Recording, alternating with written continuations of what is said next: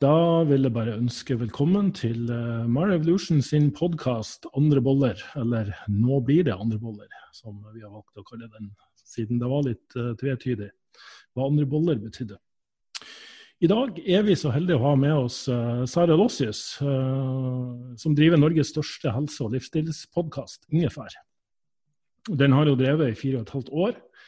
Eh, og Nylig ga hun ut boka 'Litt lykkeligere', som jeg har vært så heldig å få tilsendt og komme halvveis i. Eh, utrolig lettlest.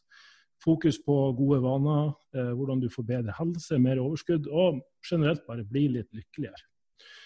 Eh, Sara har jo vært på podkasten til to ganger før, så, mm, og pluss at vi har vært på helsekonferansen der hun var konferansier. Og jeg holdt et foredrag. Eh, Sara har også hørt, er tidligere kommunikasjonsrådgiver for eh, både Hafslund, Ikea, og har en master i sosialpsykologi fra London School of Economics. I tillegg til alt det her, da, så er det jo eh, både utdannet mentaltrener fra Raw Training, Raw Training og har jobba som crossfit-instruktør. Men kanskje mest av alt er imponert over at du, Sara, er jo mamma til tre jenter på mm. syv og fem år. Og så har du nettopp fått ei lita ei som nå er fem måneder. Mm. Og bor ikke så veldig langt unna der jeg bor. Uh, du er litt sånn 'practice what you preach', uh, går ut ifra. Så, så, derfor tenkte jeg at vi kunne begynne med å snakke om Nå har vi fått den gledelige beskjeden at uh, barnehager åpner. Barnehager og skoler for de første årstrinnene. Men, men, hvordan har du klart å jobbe i denne krisen? Um, det har jeg tenkt skikkelig mye på selv, for jeg har tenkt sånn Har jeg det egentlig bra nå, eller lurer jeg meg selv? Ofte. Litt sånn selvransakelse. Men jeg, jeg, har hatt det ganske bra, og det er flere grunner til det. Det ene er jo at siden jeg har denne lille babyen, så er jo på en måte hormonene mine Altså, man vil bare være hjemme når man har baby. Mm. Så er, Naturen er jo smart sånn. Altså, du syns det er kjempeinteressant å sitte og se på at den babyen får pupp, eller eventuelt flaske. Det er veldig lite interessant når du ikke har en baby. Ja. Så jeg har vært på en måte redda av det. Eh, jeg syns det har vært kjempehyggelig å ha flokken rundt meg. Og så har jeg også vært veldig heldig med at jeg er vant til å jobbe hjemme.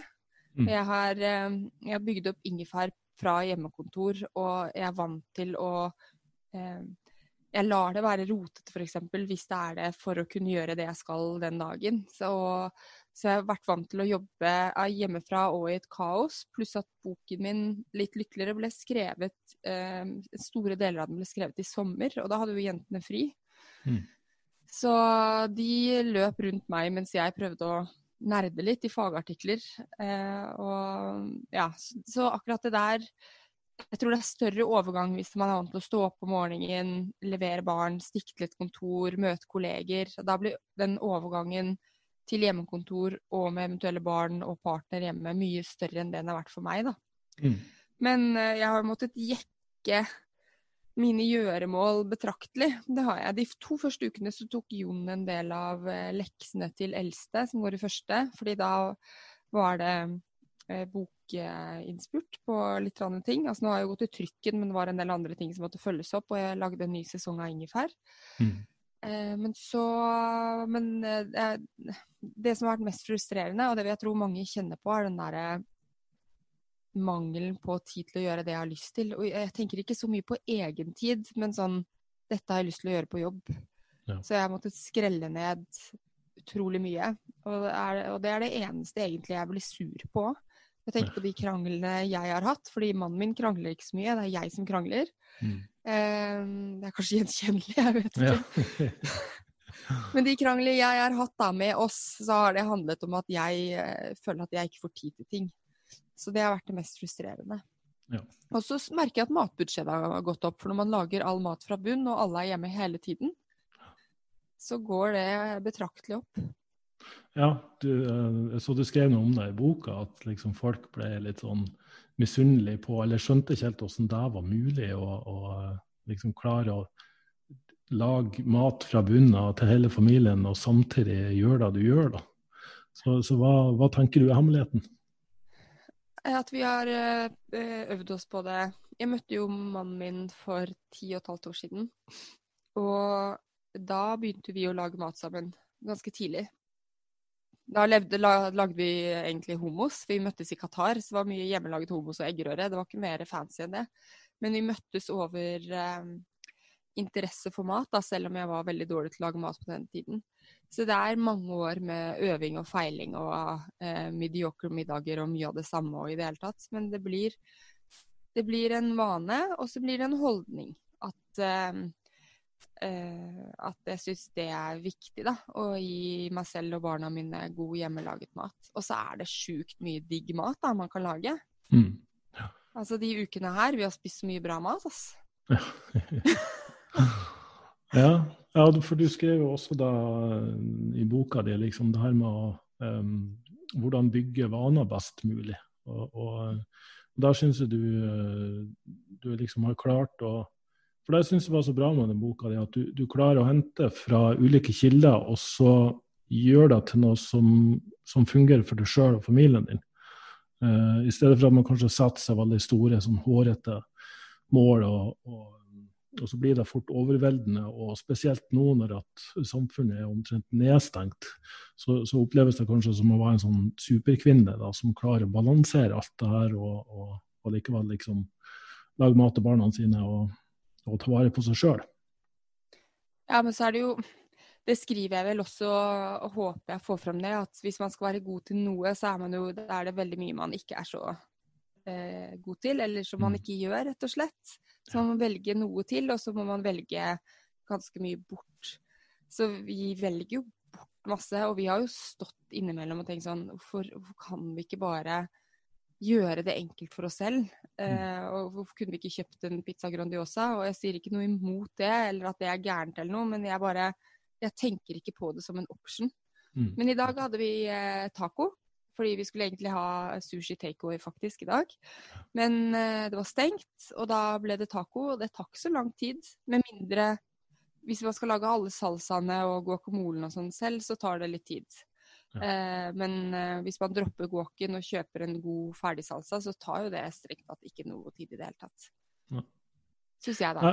det var interessant, uh, for da du sa der at når du velger noe, så må du velge noe annet bort. Det du han refererer til som mental minimalisme i boka di. Den likte jeg. Ja, den den syns jeg mm. var fin. Ja. Det er fra Karina Carl sin veldig fine bok 'Tenk enkelt'. For hun snakker jo om eh, inntrykksmaksimalisme, og det er det vi lever litt i en tid nå, at man, man har så mye inntrykk og så mange valg. Mm. Så bare være Og det har snudd veldig for meg òg, etter at jeg leste boken, at eh, det å velge aktivt til. fordi da går veldig mye som ikke er så viktig for deg, lettere vekk enn å tenke sånn jeg må velge vekk og spise sjokolade. Det gjør ikke jeg, som du har skjønt av boken. Men, mm. Eller jeg må velge vekk og gjøre et eller annet. Så bare mer sånn hva har jeg lyst til å fylle dagene med? Ja. Og så fylles dagene mer opp av det, og da siles kanskje en del ting vekk. Men så er det masse ting man fremdeles må gjøre som er kjedelig, da. Ja, riktig. Man må skifte bleier. Eller det er ikke så kjedelig, det altså. Men det er en del sånne hverdagslige driftinger som fremdeles må til. Men kanskje i større grad velge til det som gir mening. Ja. ja det er jo kanskje der folk eh, bommer mest. At um, bare fordi du har lest det eller hørt det, at da og da må du få gjennomført, så er det ikke sikkert at det er liksom uh, i tråd med de verdiene du har, eller de interessene du har. Så, så hvorfor liksom prøve å innarbeide noe som du innerst inne bare hater eller misliker å gjøre. Mm. Så, så eller ikke passer inn i livssituasjonen. Ja, ikke sant. Prøve å finne ut liksom, hva er det du, hva er det du sjøl eh, trenger for å ha det bra, og så mm. innarbeide gode vaner for det, tenker jeg da. Ja, det er Men, det jeg tenker om. Det er ikke så lett.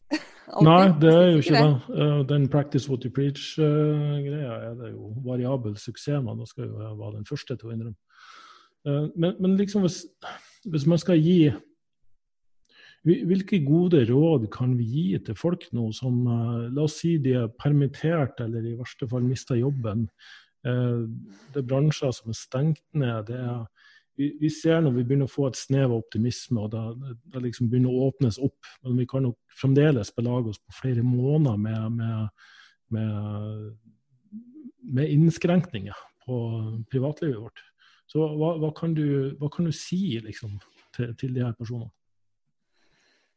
Nei, først vil jeg tenke sånn enorm medfølelse hvis man står i, og det er det mange som gjør, som står i en tøff situasjon. Og jeg tenker på det med det stresset det fører til, da, som ekstra stress, i tillegg til å eventuelt være hjemme med og skulle ha hjemmeskole, eller, eller være ensom fordi man ikke har noen å være sammen med og ikke kan møte folk. Mm.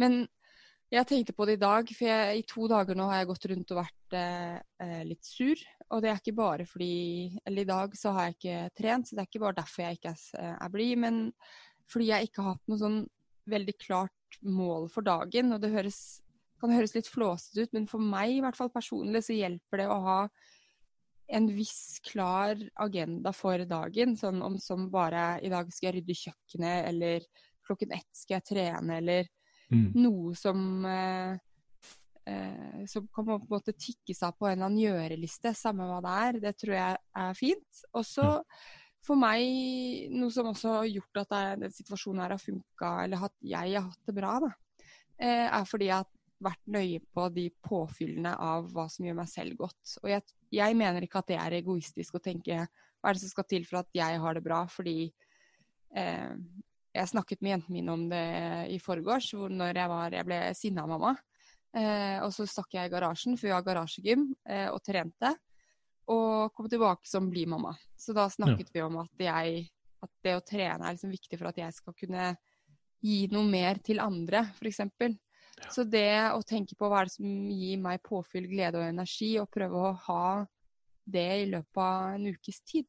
Det, mm. det ville kanskje vært mitt beste råd. Og det kan jo være så mangt. Oi, jeg er litt tett i nesen. Det kan jo være så mangt. Det kan jo være alt fra å gå tur i skogen til å løfte kjempetunge vekter, til å lakke negler, eller altså hva som helst. Er, ingenting er noe bedre enn noe annet, men bare at man føler at man fyller opp på godkontoen sin og tar vare på seg selv.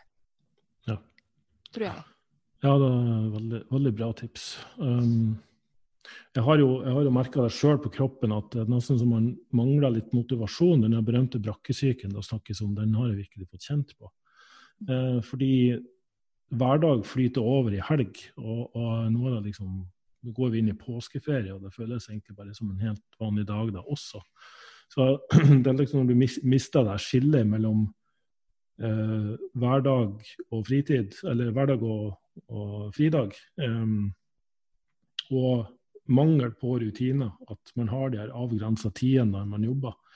Det, jeg har jo hatt hjemmekontor i mange år. Så for meg bør jo ikke det her være noe eh, overgang, men det har overraskende nok blitt det. Kanskje mest av alt fordi vi har en toåring som, som er hjemme og ikke kan være i barnehagen. Eh, og, og, da blir det sånn at jeg må faktisk tilpasse min tid etter hans tid. Og, og altså, jeg har jo brukt to år nå på meg at pappa er veldig lite viktig i forhold til, til sønnen. Men det her ble litt tøft, merka jeg sjøl. Så, så, det er nesten sånn at jeg velger bort ting som er bra for meg sjøl, fordi det på en måte er ikke tid til det. Og jeg, jeg tenker at jeg har snakka med mange som har kjent på det samme.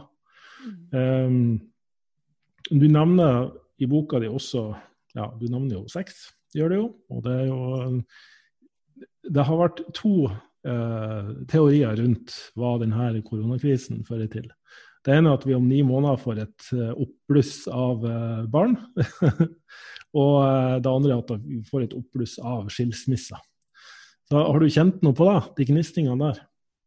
Ja, Det blir ingenting her, da. For vi er ferdig, og jeg gidder ikke skille meg. Kan Nei, ikke skille deg når man har tre barn, ass.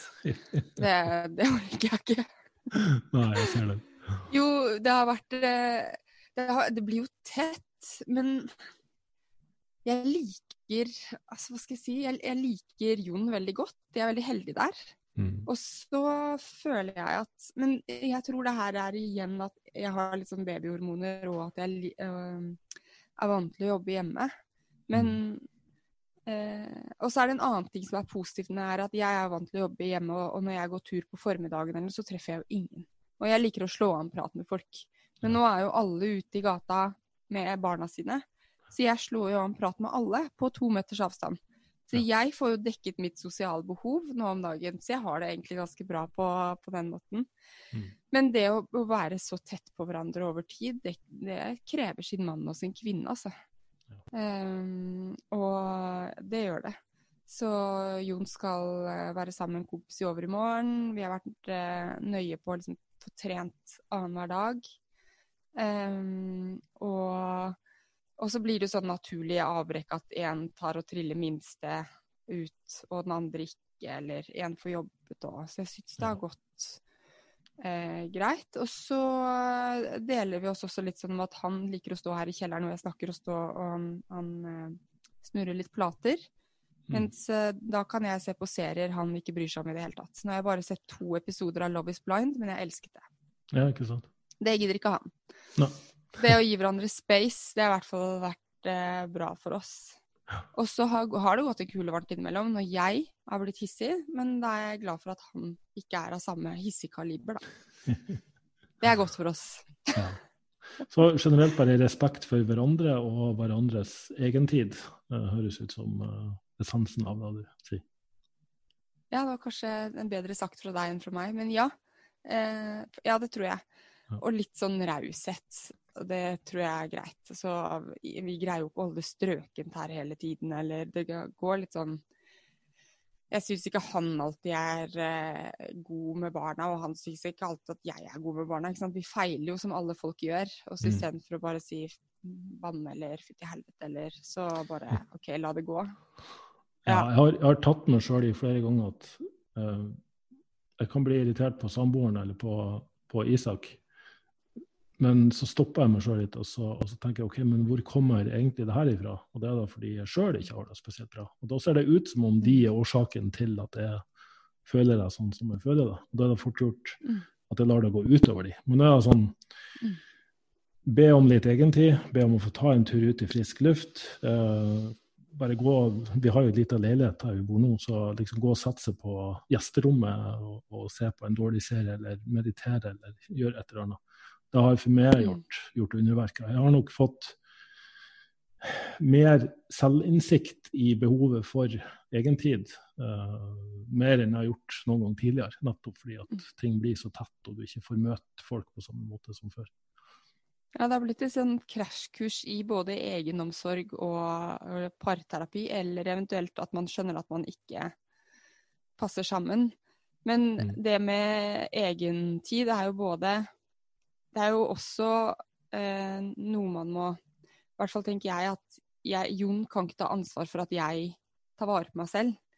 Så det hadde vi også en greie på til morgen i dag, hvor jeg bare plutselig ble dødsirritert på at jeg ikke hadde fått jobbet. Men jeg hadde jo ikke sagt tydelig fra.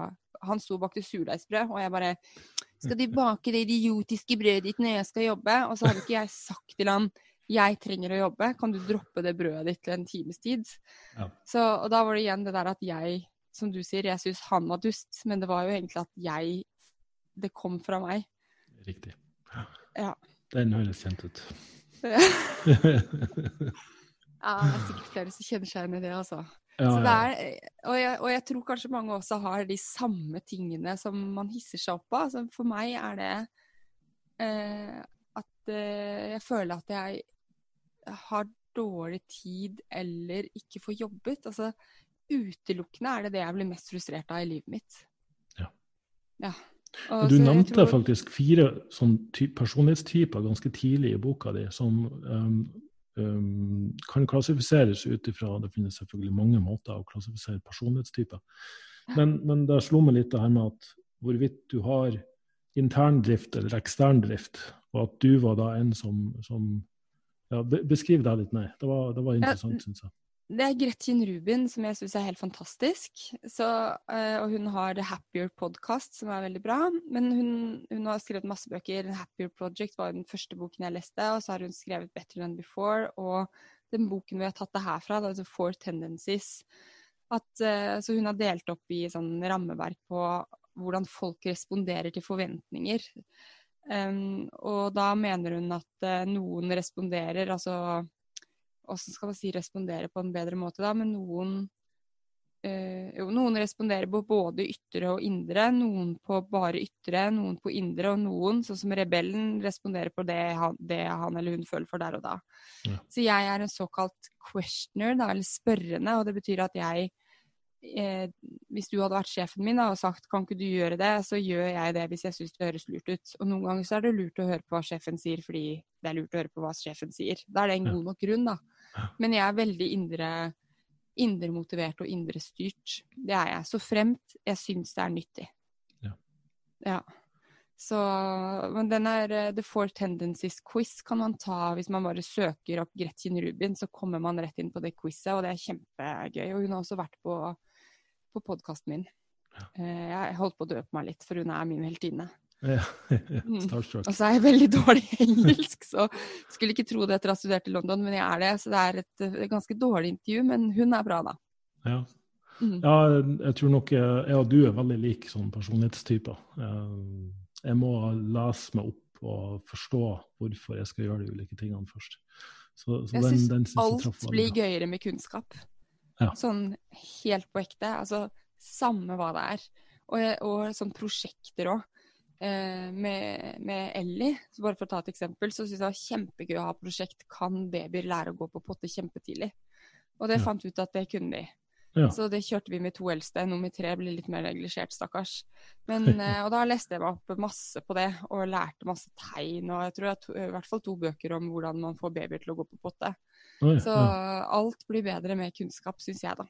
Ja. Men så kan det jo bli for mye, sånn at jeg blir helt handlingslammet. Fordi jeg føler at jeg ikke har fått hentet nok info, og ikke kan noe om det. Og, og da velger jeg å ikke gjøre noe ofte. Så det er ikke bare bra heller. Jeg vet ikke om du kjenner deg igjen i det? kjenner meg veldig godt i den. Det, det.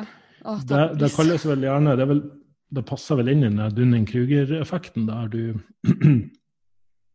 uh, Før du kommer til det stadiet sant, eh, altså, du, du, vil gå gjennom det stadiet der du eh, tror du kan veldig mye, og så kan du egentlig veldig lite. Eh, men nettopp fordi du tror du er så høy på egen kunnskap, da, så, så blir du veldig sånn arrogant og nekter å tilegne deg noe. Mens eh, vi som tilhører den kategorien der som, som, vi gjør, vi vil liksom lese og lese og lese fordi vi fremdeles er så usikre på det vi kan, at vi søker kunnskap eh, veldig mye eksternt. Og til slutt så kan vi så mye at mye av det blir motstridende. Jeg har i hvert fall kjent veldig på det når det gjelder mat. At du hører om så mye, mange forskjellige ting som fungerer, at du slutter nesten å lytte innover og kjenne hva er det som fungerer for meg sjøl.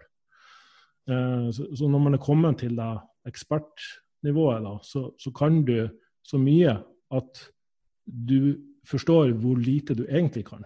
Hvor mye det egentlig er der ute av kunnskap som det er jo bortimot umulig å tilegne seg. Mm. Og du var, du var, innom det her med Vi, vi eh, skrev et, eh, et blogginnlegg på det her for en ukes tid siden. Det med at ja, egentlig at når mat blir følelser, og du hadde et eget avsnitt om det i boka di som, som jeg syns var, var, veldig bra. Kan du, kan du, si litt om det? Ja, så bra. I Opprinnelig så var det litt sånn at jeg ville ha med kosthold i boken min, mens redaktøren min bare Nei, jeg er så lei kosthold. Ja. Det, mye, det, har vært så mye bøker om mat. Mm. Eh, og så sa jeg til henne men jeg skal ikke ha med noe om vitaminer eller karbohydrater eller fett, eller om man skal spise kjøtt, eller om man vil spise bare grønnkål, eller altså hva som helst man, eh, som det er mye av. Mm. Jeg vil ikke angripe mat på den måten i det hele tatt, fordi det er jeg skikkelig lei av sjæl. Ja. Uh, og jeg har ikke svaret. Det, uh, jeg vet ikke om noen har svaret, egentlig. Men uh, så da i det kapitlet så har jeg med det med verdien å ha hjemmelaget mat, fordi da vet du hva du spiser. Ja. Og, så jeg siterer jo Michael Pollen som sier sånn du kan spise hva du vil så lenge det er hjemmelaget, eller noe sånt. Mm. Vi, jeg roer meg ned med å bake, så vi baker en del. Jeg baker på liksom litt sånn hippie-ingredienser, men det går, det går, noen sjokoladekaker her i, omtrent i uka om dagen, men jeg tenker at jeg hører på Michael Pollen. Men ja. uansett. Vi har, eh, har om mat og følelse hvor jeg intervjuer Aksel Inge Sinning, som er en veldig fin psykolog, syns jeg. Som har gitt ut en bok om følelser. Eh, og, når jeg snakket med han, var han som lærte meg det at, at eh, eh Eller vi hadde lest noen forskningsartikler på forskjellen mellom reell sult og hva er det jeg kaller det, fysiologisk sult og en annen type sult. Mm. Som ikke er det samme som nå trenger kroppen mat, men mer at man tror at kroppen trenger mat. Typ. Men at følelser er jo eh, Følelser har jo hatt litt sånn lav status, egentlig, men følelser er jo det vi er født med. Og det, følelser er jo rettesnorer. Det forteller oss noe vi vil til, eller noe vi vil vekk fra. Ja. Um, så, og når man, er, når man har en eller annen følelse, så kjenner man det jo fysisk i kroppen. Jeg merker det særlig på barna mine, for de er jo så mye, de er så mye kropp ennå. Mm. Selv om eldste på sju år begynner å bevege seg litt videre, merker jeg. Men sult, for eksempel, nei, sorg og tristhet, eh, så kan det hjelpe midlertidig med å spise fordi det å være mett gjør at man føler en sånn trygghet. Ja. Det lærte jeg av Aksel Inge. Og så bruker man jo f.eks. det å ikke spise, eller spise veldig strengt for f.eks. å straffe seg selv eller andre, eller prøve å ha kontrollen. Så, så, det med mat og følelser Og det har sikkert du masse erfaring med etter å ha hatt veldig mange kunder oppover. Mm. Eller klienter, eller hva du kaller det. Eller guida mange folk. Det er hvor tett forbundet det er. Og jeg tror det starter skikkelig tidlig. Absolutt. Og så tror jeg det er masse ubevisst. Jeg tar meg selv Jeg vet akkurat uh, jeg spiser mer når jeg er stressa, og jeg spiser ikke sånn masse, men jeg småspiser mer, f.eks. Mm. Sånn øh, Ja. Altså, jeg har sikkert mye å ta tak i. For jeg, jeg startet det kapittelet med å fortelle, eller det er, det er vel midten, men at jeg ble ganske dårlig med spisevegring da jeg var 17. Mm. For det var min måte å kontrollere på det. Og jeg var heldig, for jeg ble kjempefort frisk. Eh, og dro den ikke så langt. Eller jeg dro den langt nok i massevis, men Eh, og jeg tror nok jeg har et helt Altså et veldig godt forhold til mat. Men jeg tror alle har en eller annen, eller de aller fleste har en eller annen en eller annen kobling mellom mat og følelser, fordi det er så tett sammenkoblet. Veldig ja. langt rasement. Men du kjenner deg igjen i det, ikke sant? Etter at du har guida ja, mange mennesker? Det, eh, det jeg skrev om, var jo at det er jo uh, en nær sammenheng mellom um, det å ha masse regler rundt mat og, og restriksjonsbasert tilnærming til å spise, og, og, og, da få en forstyrrelse, en eller annen form for forstyrrelse, enten den er ortoreksi eller anoreksi, eller hva en slags eksi det er snakk om. Um, og jeg har gjort det, det eksperimentet med mange kunder at um, nummer én jeg har, har uh, veiledet det gjennom en prosess for å finne ut hvorfor de misliker seg sjøl, f.eks., og prøve å få et bedre forhold til seg sjøl. Og så har vi sett på liksom hvilke regler og Jeg har jo vært borti de som tenker at de, de, har hørt et eller annet sted at banan er fetende. Dermed så tør de ikke å spise banan. Og er overbevist om at de kan spise omtrent hva som helst, men spiser den bananen, så våkner de opp et kilo tyngre dagen etterpå. Og um, mirakuløst nok så skjer ofte det. Og da kan jeg tenker meg er rett og slett bare en stressreaksjon. Eh, så jeg har gitt mange den oppgaven at de skulle velge seg ut den matvaren de enten hadde mest lyst på eller var mest redd for å spise. Og Så skal de sette seg ned helt uten forstyrrelser, og så skal de eh, anse det her som en oppgave, et eksperiment. Eh, der du blir helt fritatt for alle mulige konsekvenser etterpå med liksom, den dårlige samvittighetsgreia som gjerne oppstår, at du skal enten straffetrene bort eller underspise for å kompensere for de kaloriene.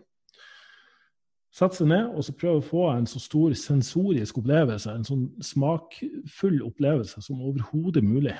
Der du stenger av telefonen. Du må gjerne sitte på en kafé, men du skal ikke ha med deg folk å sitte og snakke med. Fokuser kun ene og alene på om det er et kakestykke da, eksempel, du skal spise. Du skal se på det, du skal studere det, tekstur, lukt. Du skal liksom ta det opp og, og virkelig smake på det med stor S. Du skal, du skal, bruke skikkelig lang tid på å kjenne og liksom få hele den konsistensen og kjenne på følelsen av å svelge deg ned og få hele smaksopplevelsen. Og så er det Eksperimentet går ut på at du kan ha som mål å spise hele kakestykket, men prøv å kjenne etter hver bit når du liksom rent fysisk har fått nok.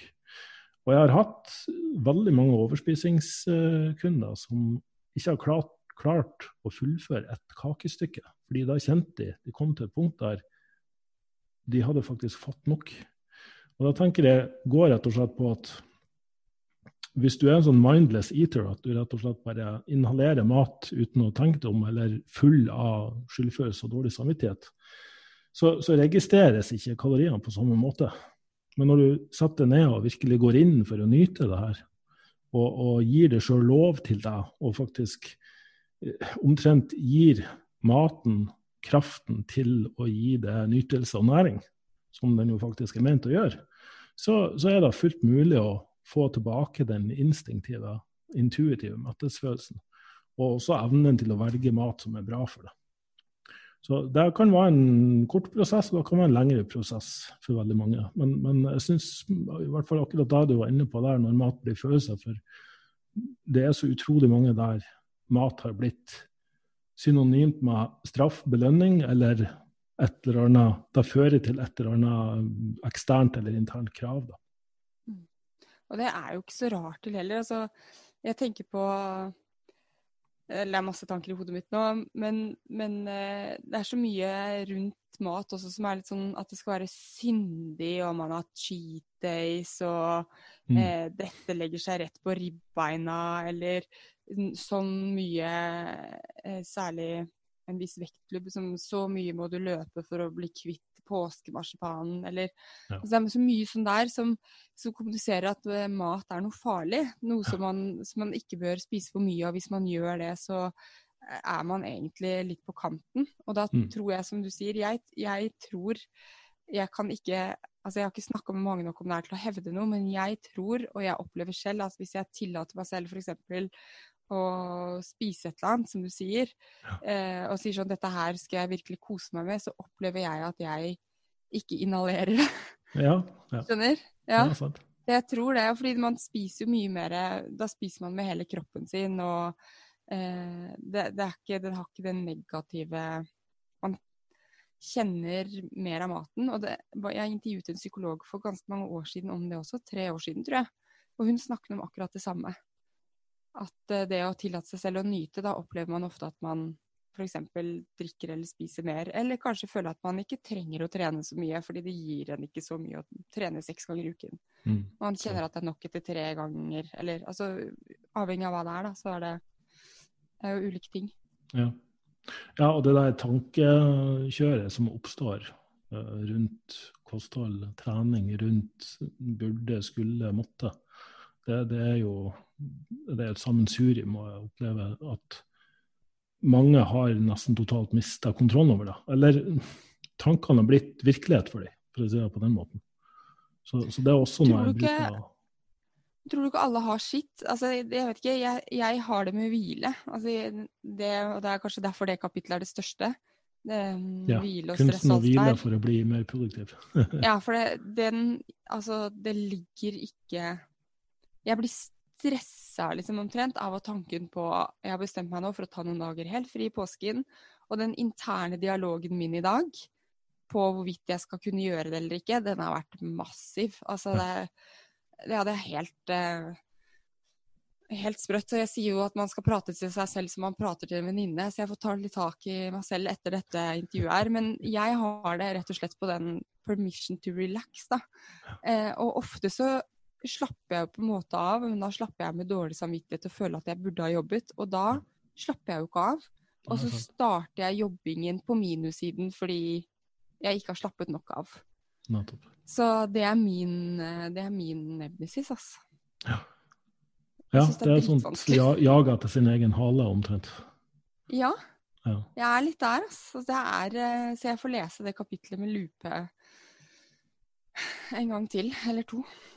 Ja, vi starta med å si at du, du, liksom practice what you preach, eh, så Jo, jeg gjør jo det på mange ting, men jeg, jeg tror Jeg syns i hvert fall det var viktig å få frem i boken at, uh, at jeg ikke Altså, jeg er god på masse ting. Jeg skal ikke snakke meg selv ned på å si at jeg ikke spiser bra, eller er ganske god på smart bevegelse etter dagsform, og det er en del ting jeg er god på. Mm. Uh, og så er det en del ting jeg er bevisst, men ikke så god på. Mm. Eh, og så er det noe jeg ikke er så god på. Og det, det tenker jeg alle har. Det ville vært feil å si at jeg var dritgod på alt, fordi da eh, Ja, da ljuger jeg jo. Det går ikke. Men Jeg er jo god på masse. og den, men den der likte jeg også, fordi i stedet for å ha den der um, Jeg har alltid vært litt sånn småkritisk til mentaltrenere som sier at ja, men du skal bare snakke positivt til deg sjøl, så, så, blir alt bra. Jeg, jeg tenker at det er bedre å var så autentisk og ærlig med seg sjøl som overhodet mulig. Så det jeg opplever at du uh, har blitt veldig flink på, det er at du rett og slett bare er ærlig. Du går ikke rundt og snakker det sjøl ned, med mindre det er en grunn til det. I hvert fall opplever jeg at du ikke gjør det nå lenger, sjøl om du kanskje har en historie med det. Ja, jeg tipper alle har litt sånn automatiske dårlige tanker, men jeg er nok mye bedre på det. Ja. Uh, men jeg ja, vet ikke, jeg stiller høye krav og Nei, jo, jeg er blitt bedre på det. Også, men det er kanskje Jeg vet ikke om det er alder nå, jeg, men jeg, jeg følte at jeg på en måte måtte bevise mer før. Mm. Og, det, og, det, betyr ikke at jeg ikke eh, gjør en innsats nå, for det gjør jeg på alt. på en måte. Det er ikke sånn at jeg, jeg, liker jo å gjøre en god jobb i det jeg gjør, men jeg, det er ikke sånn at jeg trenger å bevise for andre. Og da, da blir det litt mer frihet, og ikke så stress. Det er ikke ja, hva andre altså jeg, jeg, Ting går inn på meg, altså hva andre sier. Det er ikke det jeg mener. Men jeg trenger ikke bevise for andre at jeg er sånn helseperson. Nei, hvis du skjønner? Du har ikke laga et image basert på en viss status. Du, du klarer liksom å Det virker som du i hvert fall klarer å klassifisere noe som bra, mindre bra, dårlig eh, forskjellige, på forskjellige områder. I større grad. Ja. Du har på en måte kartlagt det litt, litt mer, da.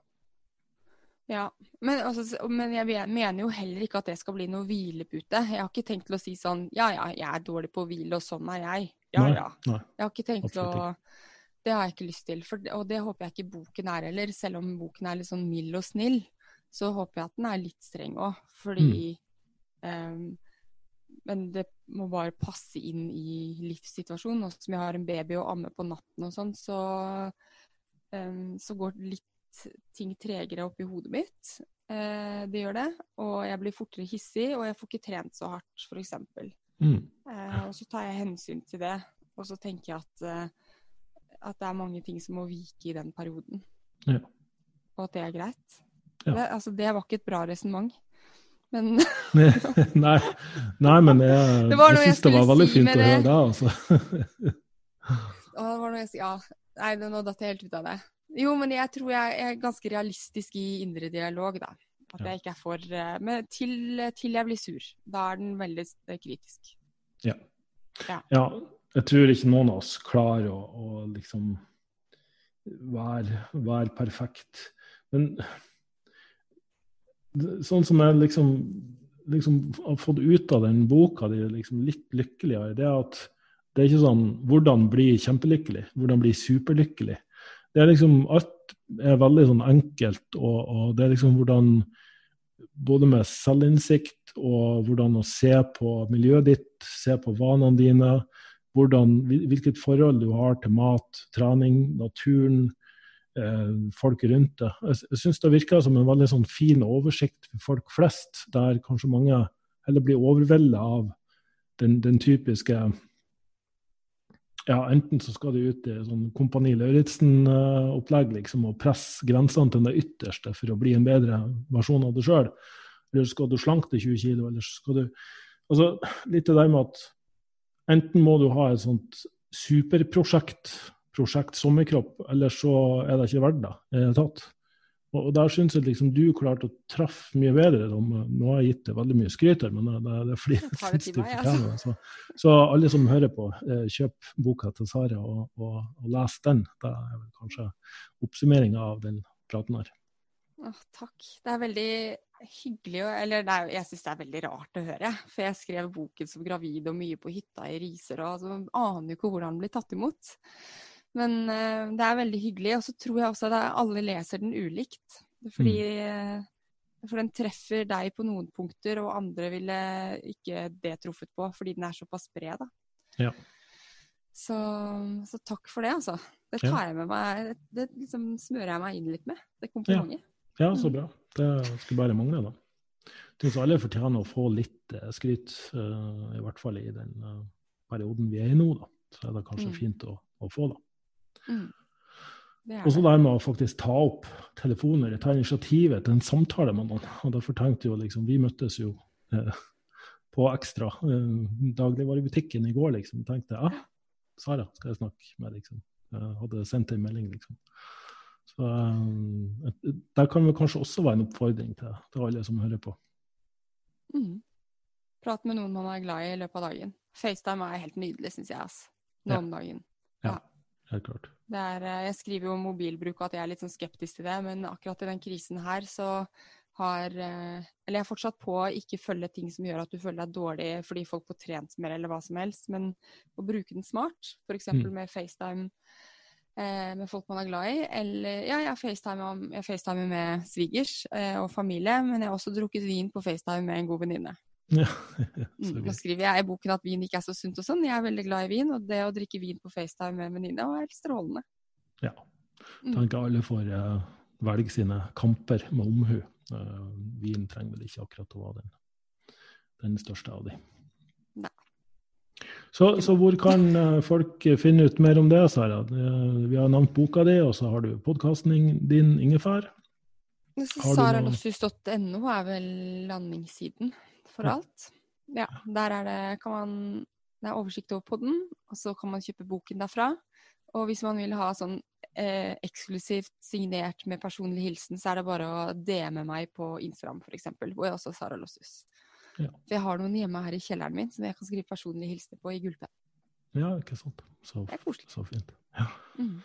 Så helt på slutten, er det noe du hadde ønska å snakke om som vi ikke har spurt om? Det var et godt spørsmål. Eh, nei, for jeg syns det er så spennende å høre hvordan folk leser boken. Ja. Jeg hurtigleser jo det aller meste, men, men det er enkelte steder at det stopper opp litt og bare mm, Ja. den, den traff. Så, Så bra. Ja. Nei, jeg nei, syns ikke det. Jeg syns det var veldig kul lesing og veldig eh, fin samtale. Ja. Takk. Så bra. Da håper vi kanskje at du vil uh, være med på en ny podkast en annen gang. Eller at det er gjester på din, da, selvfølgelig. Det er jo også mulig. Absolutt. Ja. Yes, nei, men Tusen takk, Sare, for at du tok deg tid. Så eh, får du ha en, ja, får du ha en fortsatt fin kveld. Du med.